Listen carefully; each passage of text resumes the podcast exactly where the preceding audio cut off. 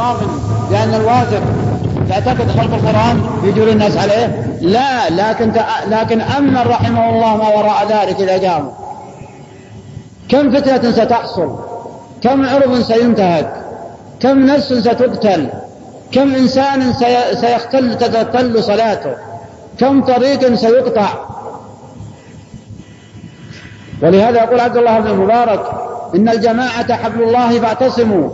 منه بعروته الوثقى لمن دانا كم يدفع الله بالسلطان معضلة في ديننا في, في ديننا رحمة منه ودنيانا.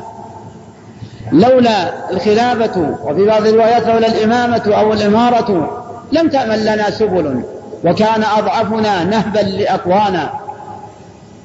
فما شرع الله ولاة الأمور عبثا عبثا. وإذا جئت بهذا فالمقصود أن نعود على المقدرة أن أن الأمر بالمعروف والنهي عن المنكر. نصيحة لا فضيحة. لا فضيحة. وليست مطالبة. ما الفرق بينهما؟ المطالبة معناه إذا ما حصل مطلوب قمت على من تطالبه. هذه هذه عقيدة الخوارج الذين قاموا على عثمان رضي الله عنه وأرضاه ومن حذا حذوهم وعلى علي. هم اللي يرون هذا الرأي ويرون الأمر بالمعروف والنهي عن المنكر يوجب الخروج.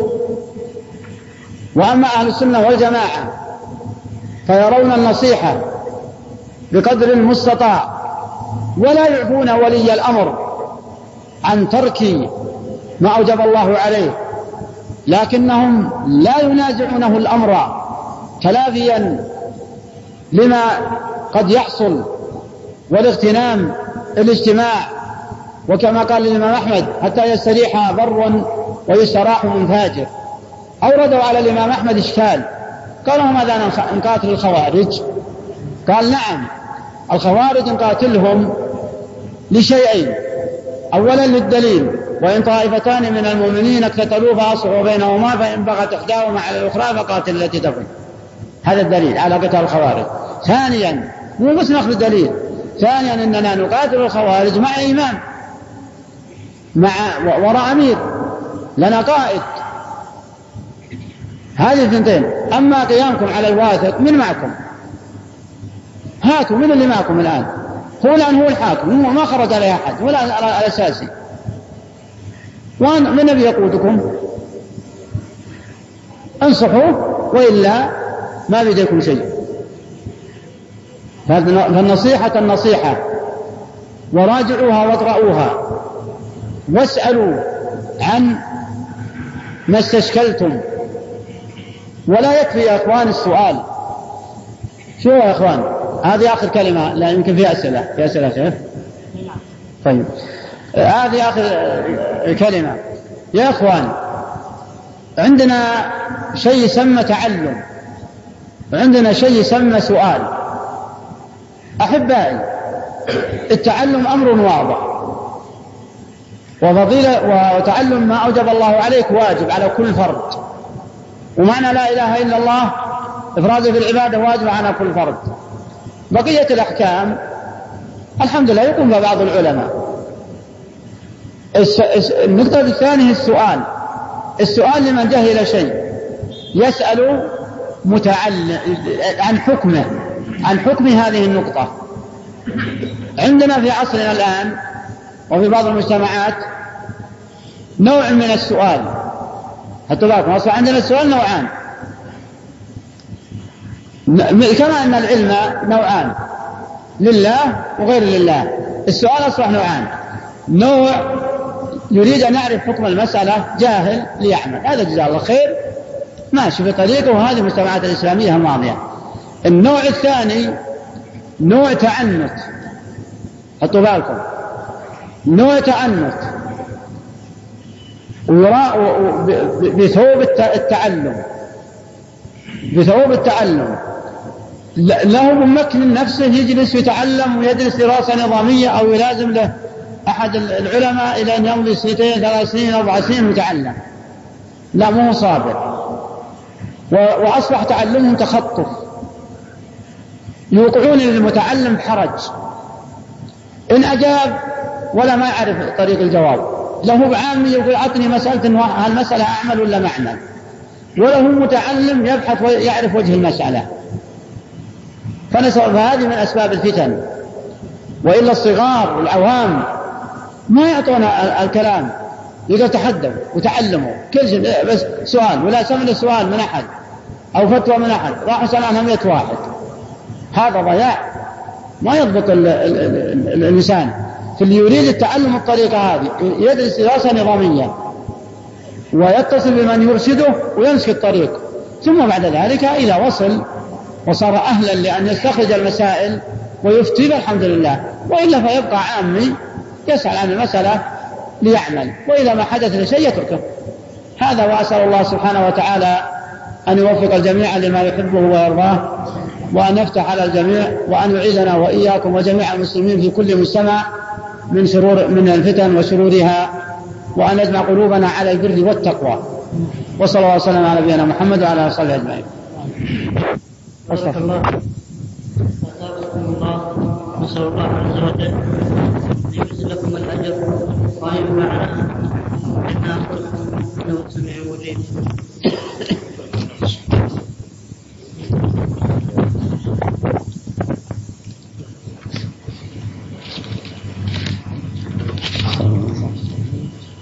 بسم الله الرحمن الرحيم. الأسئلة. فضيلة الشيخ هل الكتابة لولاة الأمور للحكام ونشر النصيحة المكتوبة النصيحة؟ وهل هذا منهج أهل السنة والجماعة أم هو منهج أهل الاعتزال؟ على كل حال سمعنا اللي في الكلام ولا يحتاج ولا أحد أن هذا سؤال عن قضية خاصة. عن قضية خاصة قد حصلت. أسأل الله سبحانه وتعالى أن يثبت الجميع. وخلاصته اللي أنا قلتها هي غيرها سواء ما حصل أو غيره. أن مثل الأمور كتابة أو شفه أو شفهية أو شفوية هي مثل ما قلت لكم وليست مني. راجعوا تدبير الغافل ابن النحاس في القرن الثامن. راجعوا كلام ابن رجب على حديث الدين النصيحة وراجعوا كلام الإمام أحمد في الآداب الشرعية وراجعوا شروح الأحاديث عند البخاري ومسلم. الحاصل أن القاعدة هي اللي أنا قلت. نعم. يقول هنا أرجو بيان الجمع بين النصيحة وقول وقول الرسول صلى الله عليه وسلم من حسن إسلام المرء تركه ما لا يعني أصلا سمعت من أن الجمع بين النصيحة وبين قوله من حسن إسلام المرء تركه ما لا يعنيه ما ما ظهر التعارض بينهما. يعني ما فيه تعارض حتى نلتمس الجمع يا إخوان. فالنصيحة كما سمعنا. وقوله من حسن الإسلام تركه ما لا يعنيه يعني الذي لا يهمك وأما الأمر بالمعروف والنهي عن المنكر هذا يهمك بالأسلوب الذي سمعناه. اللي يعنيه أمر خاص شخصي.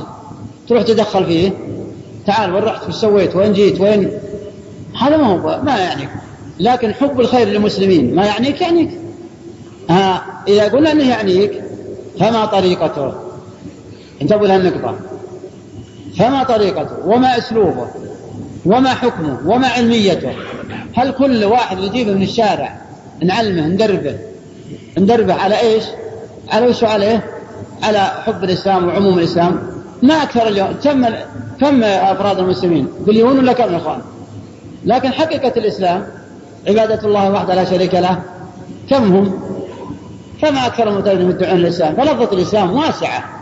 وين لفظة أهل السنة والجماعة؟ خذوا الفرق بينهم الإسلام واسع غير لفظة أهل السنة والجماعة ولهذا أهل السنة والجماعة ما يريدون يتلبسون بعض المجتمعات أو بعض الفرق أو بعض الفرق وكل فرقة اللي ذكرها من رسول 72 شعب منهم فرق كلهم يسمون باسم الإسلام. فما بيننا ما, بيننا ما بيننا فرق أبدا ما بيننا اعتراض ما بيننا شيء يظهر التعارض. ما ظهر التعارض بينهما. إن كان لك عندي إشكال ما مانع ترى أنا مستعد. البحث جيد. ولا أحب أي واحد يصير في نفسه بحث وهو يريد أن يفهمه لله وفي الله إلا يدرب ويسأل. أنا أو غيري. أما إذا أراد بتعنت هذا اللي الخلاص منها هو اللي نريده. نعم. بارك الله فضيلة الشيخ لدينا بعض المكتبات تمنع بعض بعض كتب السلف وعدم نشرها فما فهل هذا يعتبر مخالفا لله ورسوله؟ وما نصيحتكم له؟ لا على كل حال كتب السلف الصالح أهل العلم الموثوق بهم لا أظن واحد يتسمى طلب العلم أو مسلم يعرف من أهل السنة والجماعة سيعارضها. سيعارضها. هذا ما أظنه ولا لا عند أحد سيعارضها. إلا اللهم اللهم إنها قد تكون لأن الابتداع ما له نهاية يا أخوان. الابتداع ما له حد ولا وليس له نهاية. ويمكن يظهر بالسنة للطريقة إن كان أحد أخذ البدعة أو توجه البدعة أو توجه المبدأ أو المنهج خاص ورأى أن هذه الكتب تنافي. ورأى أن هذه الكتب تنافيه ويخشى أن المتبعي هذا المنهج ما يرغبون إذا رأوا هذه الكتب. هذا قد يكون هذا من قديم الزمان. من قديم الزمان. وأهل السنة والجماعة لا يريدون أن تدخل مكاتبهم ومكتباتهم ومدارسهم. كتب المبتدعة وكتب المبتدعة لا يريدون كتب أهل السنة. وقد سمعتم ما حصل لدعوة الشيخ محمد عبد الوهاب ومن كتاب التوحيد الذي هو حق الله على العبيد حتى أنه يعتبرونها إيش؟ المبتدعه بل بعض أهل السنة على حد ما سمع. فلهذا تذكرون قصة عالم هندي آه سافر واحد من أهل نجد الهند ومعه كتاب التوحيد. وسمع هذا المدرس يدرس صحيح البخاري بالهند. واذا من خلص الدرس دعا آه للمسلمين. ودعا لنفسه ودعا على محمد بن عبد الوهاب. لأنه يسمع. آه هذا اللي من أهل نجد عزم قال له بعد الدرس تفضل معي يا شيخ. تفضل معه وأخذ قطاعة كتاب التوحيد واقراها يعني اسم محمد عبد الوهاب نزعه جلس الكتاب هذا. طالب طبعا هو طالب علم. طالب علم عادة يتسوف للكتب. قال إيش هذا الكتاب؟ قال هذا وجدته ما عليه اسم. ودي تفحصه لي افحصه شوف. قرأ انسجم انسجم انسجم انسجم. هذا قال هذا والله ما هذا إلا أسلوب البخاري. كذا. قال تأكد. قال أكيد. قال ما رأيك؟ قال ما رأيك؟ قال الله قال رسوله. ما في ولا كلمة له. اسم البخاري شو يقول؟ باب قول الله تعالى. باب كذا. هذا اسم البخاري وهذا اسم محمد عبد الوهاب لما جاء من الصلاة والغد وانتهت الحلقة وودع للمشايخة ودع لمحمد بن عبد الوهاب وقال حسبنا الله على من غرنا فيا إخواني البذورة اللي مرنون من صغر على طريقة واللي مرنهم له منهج خاص قد مثل ما يريد إنهم ما يريد إنهم يطلعون. إذا إذا حصل هذا مع إني ما أظن يحصل الا عند بلادنا انهم يصدون كتب السلف الصالح. أما كتب البدع نعم هي اللي توخر عنهم. توخر عن المبتدئين عن اللي توهم مبتدئين. ولا يستطيع يقتنيها إلا المتعلم. وكذا وكانت تتعاهد عندنا في مكاتبنا قبل تتوسع. الله يتوب على الجميع ويفتح على الجميع. نعم. فضيلة الشيخ بعض الملتزمين يدعون العوام بطريقة لعب القرى أو الخرجات والمخيمات. فما حكم هذا يا شيخ؟ أولا لفظة ملتزم أنا من قديم الزمان من أظهرت علينا لأن ما كانت تعرف ما كانت تعرف أن كان عندنا خصوصا مجتمعنا يا إخوان عبادة لا إله إلا الله وحده لا شريك له عوام منا وكان العوام تأدبي مع العلماء والصغيرين مع الصغير ينشأ مع أبوه ومع عند شرط إلى وصل عشر سنين ولا أحسن من بعض الخريجين الآن في الكلية. ليش؟ لأنها اخذ تلقي يا إخوان. الآن كما نشاهد ولله الحمد. الحلف بغير الله تجده عند المجتمعات الثانية كثير.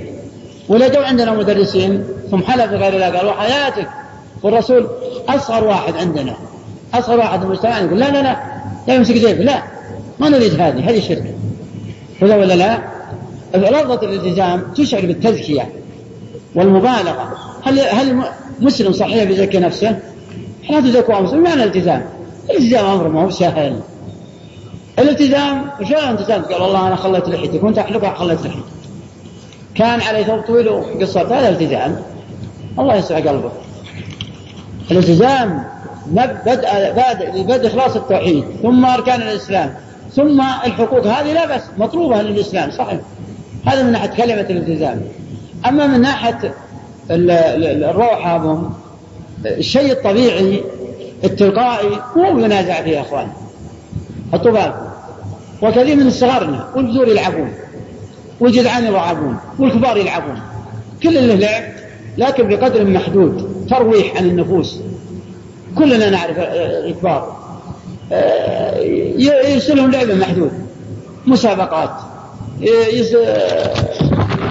سباحة. سباحة.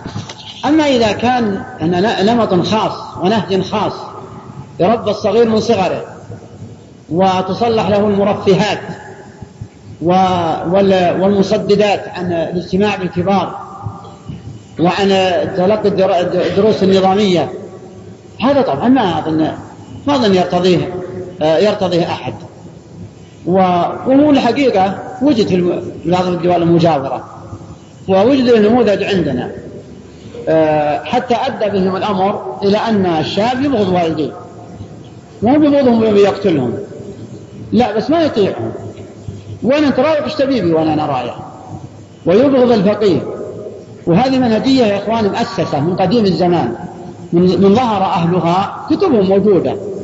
موجودة. من تعاليمهم منهم أخذوا الشاب شرطوا عليه. وقالوا لا تعلم أبوك ولا تعلم ولا تجالس الفقيه طيب إذا ما جالس الفقيه ولا جالس الشياب من يجالس؟ هل خبر يا أخوان إن ان ان, إن بزر يعلم بزر؟ إلا يشاء الله. متى عاد حصل مثل النووي مثل شيخ الإسلام ابن تيمية؟ تعليم تعليم. ترى التعليم مو مو بحماس تأثير حماس وعاطفة. التعليم يعرف أحكام يقرأ يحفظ يغير. لا تعلم هذه كتب موجودة. وإذا قدر انك إنك تروح عنها ولا تبينها لا تعلم بس. هذا ان إن فلتوه ولا الاجازه ما هم يفلتونه يحاولون ما يحاولون إنهم لا لا لا, لا يفلتوه وطبعا هذه المنهجيه ما تصلح ولا تناسب فإذا نفر عن مجتمعها الأصغر وعن مجتمعها الأكبر فما هو العلم؟ ما هو الاجتماع؟ ما هو الفائدة؟ وإذا كان ما هم جالس للفقيه من من يبغى يدرسه؟ المهم من هذه هذه منهجية تطلق عليها بادة من بعيد. وإن شاء الله أنها ما تجي عندنا. إن شاء الله تعالى بإذن الله. نرجو أن يكون نكون سواء. الصغير والكبير. دعي ابن عباس رضي الله عنه وأرضاه للمجتمع شباب. المجتمع بس. ولما أنه اطلع عليهم رجع. قالوا تعال يا ابن عباس. ليش رجعت؟ قال إن إني لا أدخل مجلس ليس فيه وقار. قالوا ما معنى ليس فيه وقار؟ قال ما فيهم شيبة ما فيهم شيبة إذا كان بنفر صار عن عن عن عن الشيب فما فما هي الحالة؟ فما هي الحياة؟ هذا كلام ابن عباس مو كلام شوف بقول ترهيب وترهيب وغيره وغيره كان ابن عمر صغير وابن عباس ولعلمهم مع كبار الصحابة يقول ابن عمر لما طرح الرسول عليه الصلاة والسلام عليهم سؤال ما شجرة كالنه ما شجرة كالمؤمن. كذا سؤال ابن عمر الرسول. وابن عمر معهم ابن عباس الصغار كلهم. فخاض الصحابة الشهر البادية ما عرفوها. فقال الرسول هي النخلة. فقال ابن عمر والله إنها لا في صدري. ولكن وقارا واحتراما للكبار أبي وأبي بكر ما استطعت أن تقرأها قال عمر وددت أنك قلتها لكانت أحب إلي من كذا وكذا. فالحد أنه ولده ينجح. شيء بد أنه ولده ينجح. ابن عباس يسأل الرسول الصحابة يسأل عمر بن الخطاب الصحابة عن معنى إذا جاء نصر الله والفتح ورأيت الناس يدخلون إلى أفواجا ما عرفوا. وجيب ابن عباس وجرب. كان يجرب ابن عباس عنده. عنده. ولا ولا راح ابن عباس. يحفظون الصغار والكبار فسن الصحابة قالوا جرب الصغير. إحنا كبار. سن جاب نفوسهم ولا ما قالوا أو ما أو فهموا منه. فطرح السؤال عليهم. ما ماذا يعنى بهذه السورة؟ كلهم اللي قالوا كذا واللي قالوا كذا واللي قالوا النصر قال ماذا تقول ابن عباس؟ قال هو أجل رسول الله فقال ها لهذا قربته فالصغار يا اخوانهم ما قربوا مع الكبار من يتعلمون العلم؟ من أمثالهم؟ من أمثالهم ثم المنهجيه اللي أنا قلت لكم لأن طلعت عليها من كتابة خارجية وعرفت أوصافها من الخارج ما عندهم علم ما عندهم فقه بل يحذرون عن الفقه والتوحيد أيضا ولا ينكرون عن التوحيد لكن اسم الإسلام واسم الأخلاق والأحكام. لأجل أنها واضحة للعامة. آه، تغريهم. ولكن لو يجون باسم التوحيد وباسم العبادة صار هنا بدع تنافيهم. يقول لا ما إحنا مفرقين الناس. طيب إذا ما اجتمعوا الناس على التوحيد لا يجتمعون ما جمعهم الله. هذه من من مبادئ آه، هذه المنهجية. قد يغتر بعض الناس آه، ولا يدري. لكن يجب على المتعلمين يبينون هذه المنهجيات. ولهذا بإذن الله ما نجحت أي دعوة من هذه المنهجيات إذا منه مات أو قتل ظهر من الناس 100 واحد. لكن الدعوة الحقيقية دعوة التوحيد أبدا. إذا مات صاحبها مشى على على طريقه غيره من الناس. فدعوة الرسول عليه الصلاة والسلام مسعى عليها العالم من الناس. دعوة الشيخ محمد بن عبد الوهاب لها 300 سنة. رحمه الله. مات وما جاء غيره ومات وجاء غيره لأنها أصيلة. لكن الدعوات هذه إذا ما تنازعوا اللي من بعد. ثم راح كل واحد يزيد جديد منهجه اللي هو اتخذ. ثم تنازعت الأمة نسأل الله السلامة. الله يعيذنا من فضيلة الشيخ هل تنصح بقراءة كتاب الضلال وهل فيه شبه كما يذكر بعض العلماء؟ على كل حال أعود وأكرر ما قلت. الذي يريد العلم الحقيقي يريد الصحيح يريد الله والدار الآخرة. وهذا مقتضى النصيحة. مقتضى النصيحة أن تفيد أخاك ما بما ينفعه في الدنيا والدين. يسلك طريقة السلف الصالح. يسلك طريقة السلف الصالح. كلمة ودليل. كلمة ودليل. بتؤدى. وطمأنينة. تظهر عليها السكينة والوقار. أما الآن فالكتاب الفلاني أو الفلاني أنا أريد توجيه عام. انتبهوا إذا كان التوجيه العام غلط ردوه علي إذا كان هذا التوجيه منضبط ومنحصر فليأخذه من يأخذه. فعليك بمن هو محل ثقة. يعطيك يدرسك على طريقة العلماء الذين ماتوا وبقيت علميتهم متداولة ثابتة. كلها أحكام في العقيدة والتوحيد. في العقيدة والتوحيد. مظهرها السكينة. تجمع ولا تفرق. وتنصح ولا تغش. انتظر الأوصاف وتحصلها بأي كتاب. تقرأ الصفحة تخرج بجزء كبير من العلم.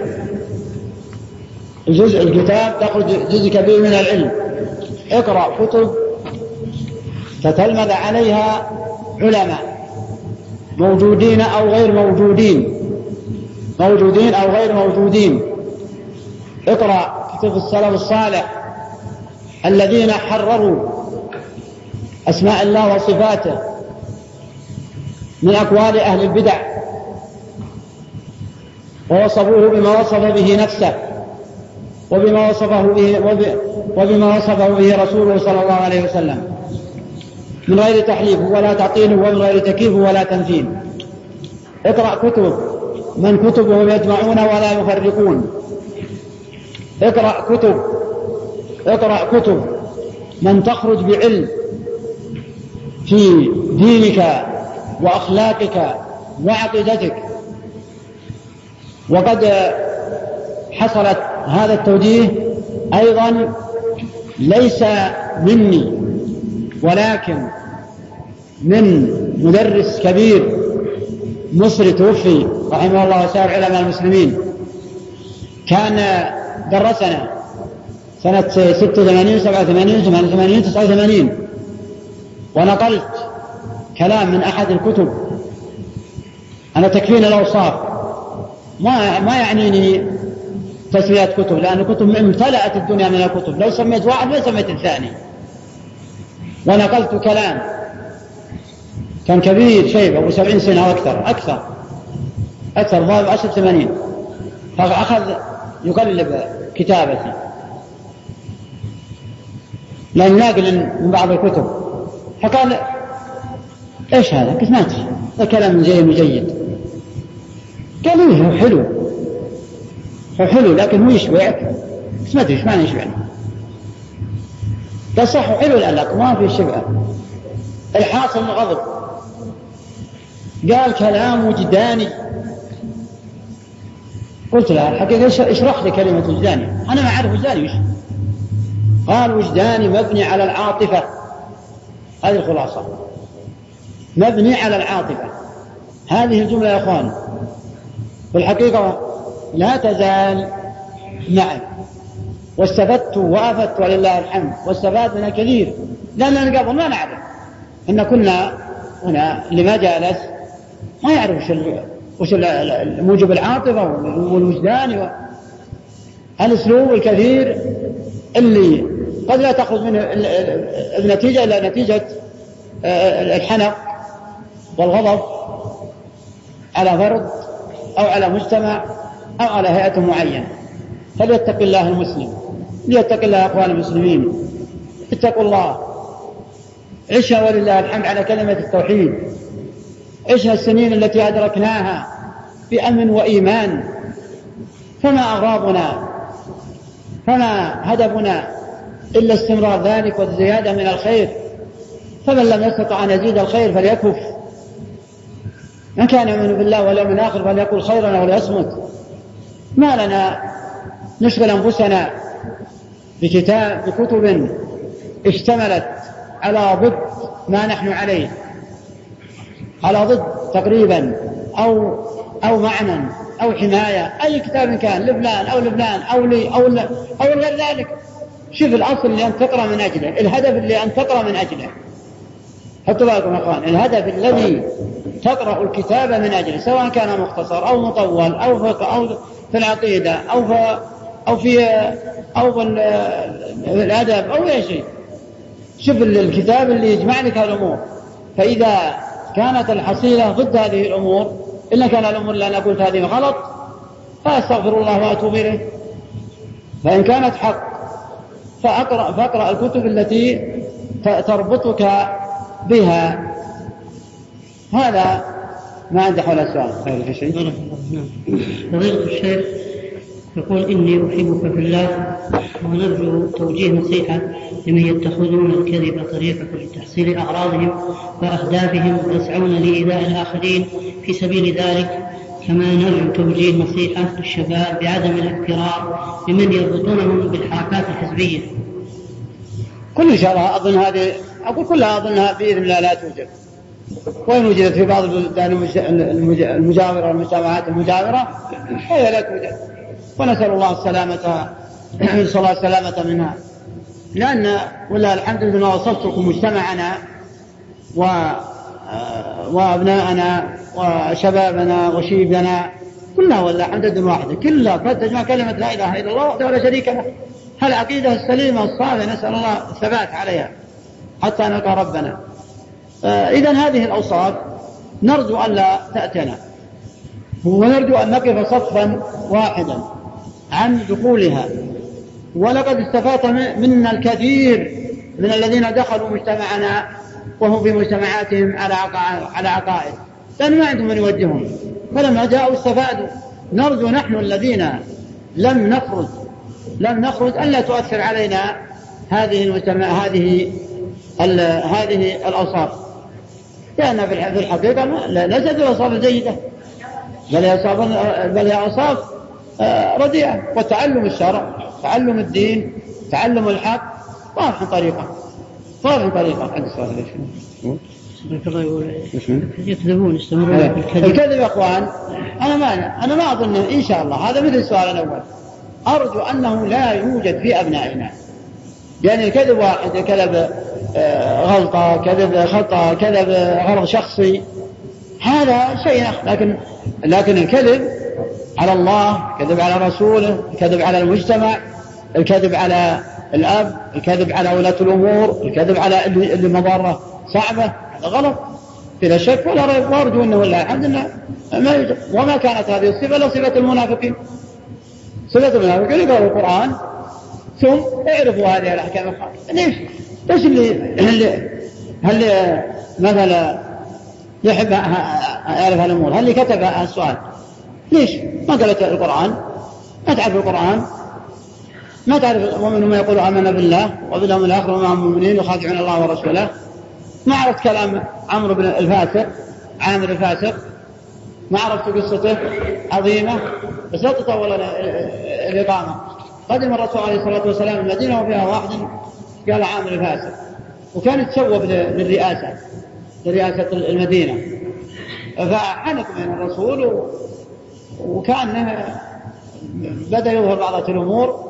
فقال له الرسول عليه الصلاة والسلام آه، كلمه فقال هو آه الكاذب كذا يقول له عامر الكاذب عليه لعنة الله وعليه يموت طريدا وحيدا. فقال الرسول عليه الصلاة والسلام لأنه نازع الرئاسة ويظن الرسول إنه نازع الرئاسة ما آمن برسالته.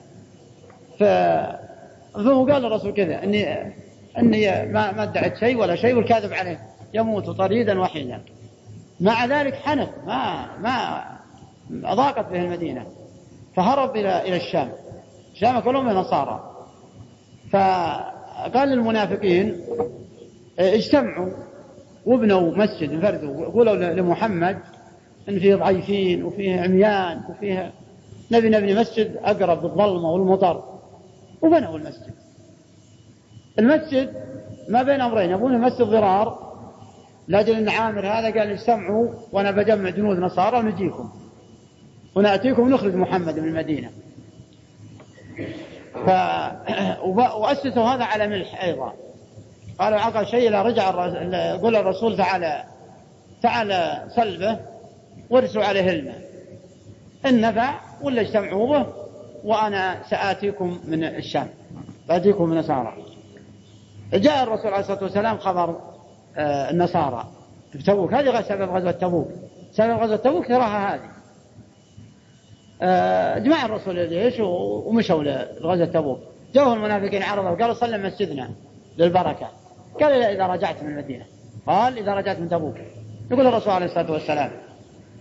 آه، فلما رجع من تبوك نزل عليه جبريل وأخبر بقضية المسجد. فأرسل له شباب وهدوه. فنزلت الآية. على كل حال غزوة تبوك ما تمت. رجعوا النصارى يوم وصل الرسول تبوك وجلس في 19 يوم ما جاء أحد.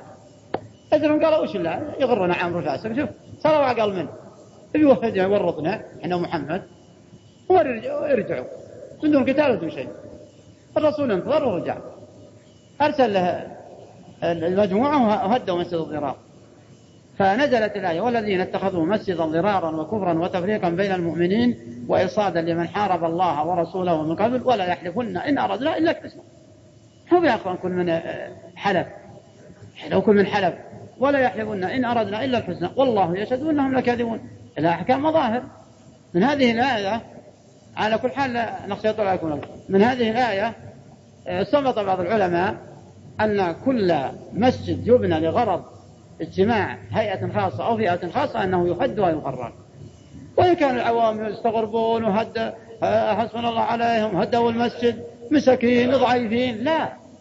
أجل ليش الحاكم؟ ليش الحاكم المسلم؟ إيش فائدته؟ إلا حتى إذا حصل شيء من هذه النجوات باسم الدين العوام ما يعرفون أنها ضرر. عام عام هوام يظنونه دين. لكن الحاكم يقدر هذه الأمور. ويعرف إن أنه على نمط خاص. فهده وقد حصل عندنا. عندنا في المملكة قبل أنتم يمكن بعض الشباب الموجودين ما لاحظوا عليه جانا مجموعة من نوعيات خاصة وفرقوا طيب مساجد الناس ومع الناس ما هو واخذينكم يعني آه، إيش الاجتماع هذا؟ فالمقصود مشروع للحاكم من هذه الآية. إذا صار اجتماع في نمط خاص دون ناس مسلمين دون مسلمين ما هو صالح للناس كلهم أنه يفرقهم وإذا كانوا بنين هم يهدون والذين اتخذوا مسجدا ضرارا شوف ضرار للمؤمنين. يبنى عزم دولة. وكفرا. ما كفار ما اعتقدوا على العقيدة أنهم كفار. وكفرا. وإرصادا لمن حارب الله يحترون عامر عامر. لكن الله أخلفهم هم إياه. إرصادا ينتظرونه. لمن حارب الله ورسوله. وتفريقا بين المؤمنين يفرقون بينهم. طيب يفرقون بينهم في المساجد ليش؟ خلنا خلهم يجتمعون. المنافق السفيه يجيهم تضايق. الصبيان مع شبانهم يسمعون. الكلمة تسمع. وليش اللي فيه شبهة؟ يترك. ولماذا يترك؟ ليش؟ نعم الحاكم قد يقع بين أمرين. ويلي منك ويلي عليك. لا وده اللي باسم الدين يقول لهم شيء. وهو يعرف إن مآله أو أهداف ما هي جيده ما هي جيده لأن العامة ما عندهم إلا عاطفة. هذا دين. هذا دين. هذول المنافقين كم ادعوا الدين؟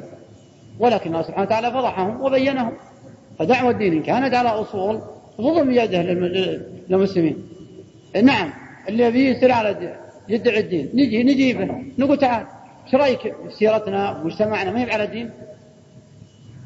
ما على لا إله إلا الله مو هو بدان مو بالله الحمد لله لازم يرفع كل مسجد مو بإمام واحد ما هي بدروس الله الحمد توحيد العبادة موجودة في كل مدرسة. طيب وش, وش, وش ما ماذا نريد؟ هذول ناس ناس ناس ناس يحبون الاجتماع. نعم نحب نحب الاجتماع. يا حبذا هذه الصفة. ونكره الافتراق وهذه عقيدة أهل السنة والجماعة. لا ما ينكرون. وش ما ننكر؟ ما نخرج زي الخوارج؟ لا ما إحنا خارجين. النصيحة الله يقويك. إن كانك عندك نصيحة بالله بالله يجيبك وندعو لك. وندعو لك. نسأل الله سبحانه وتعالى أن يثبت الجميع وأن يصلح كبارنا وصغارنا وأن يرجع كلمتنا على البر والتقوى وأن يعيذنا من شرار خلقه. أثابكم الله وجزاكم الله عن خير يعني إن شاء الله. جزاكم الله خيرا. لدي جيران لا يعرفون طريق المسجد ولا يأتون إليه حتى في صلاة الجمعة إلا نادرا. وقد نصحت ونصحت إلى آخر كلامه فهذا له نصيحة. نعم ما دمت نصحتهم جزاك الله خير. وبينت لهم الحق. ما بقى عليك إلا تكتب ورقة شوف واحد من جيرانك الثانيين الطيبين ينصحهم. ثم تكتب ورقة رئيس مركز الهيئة. الحمد لله. فإن جارنا فلان وفلان لا يشهدون الجمعة ولا الجماعة ونظركم أعلى. فهنا بريت ذمك خلاص. خلها اتركها لذمة المسؤولين.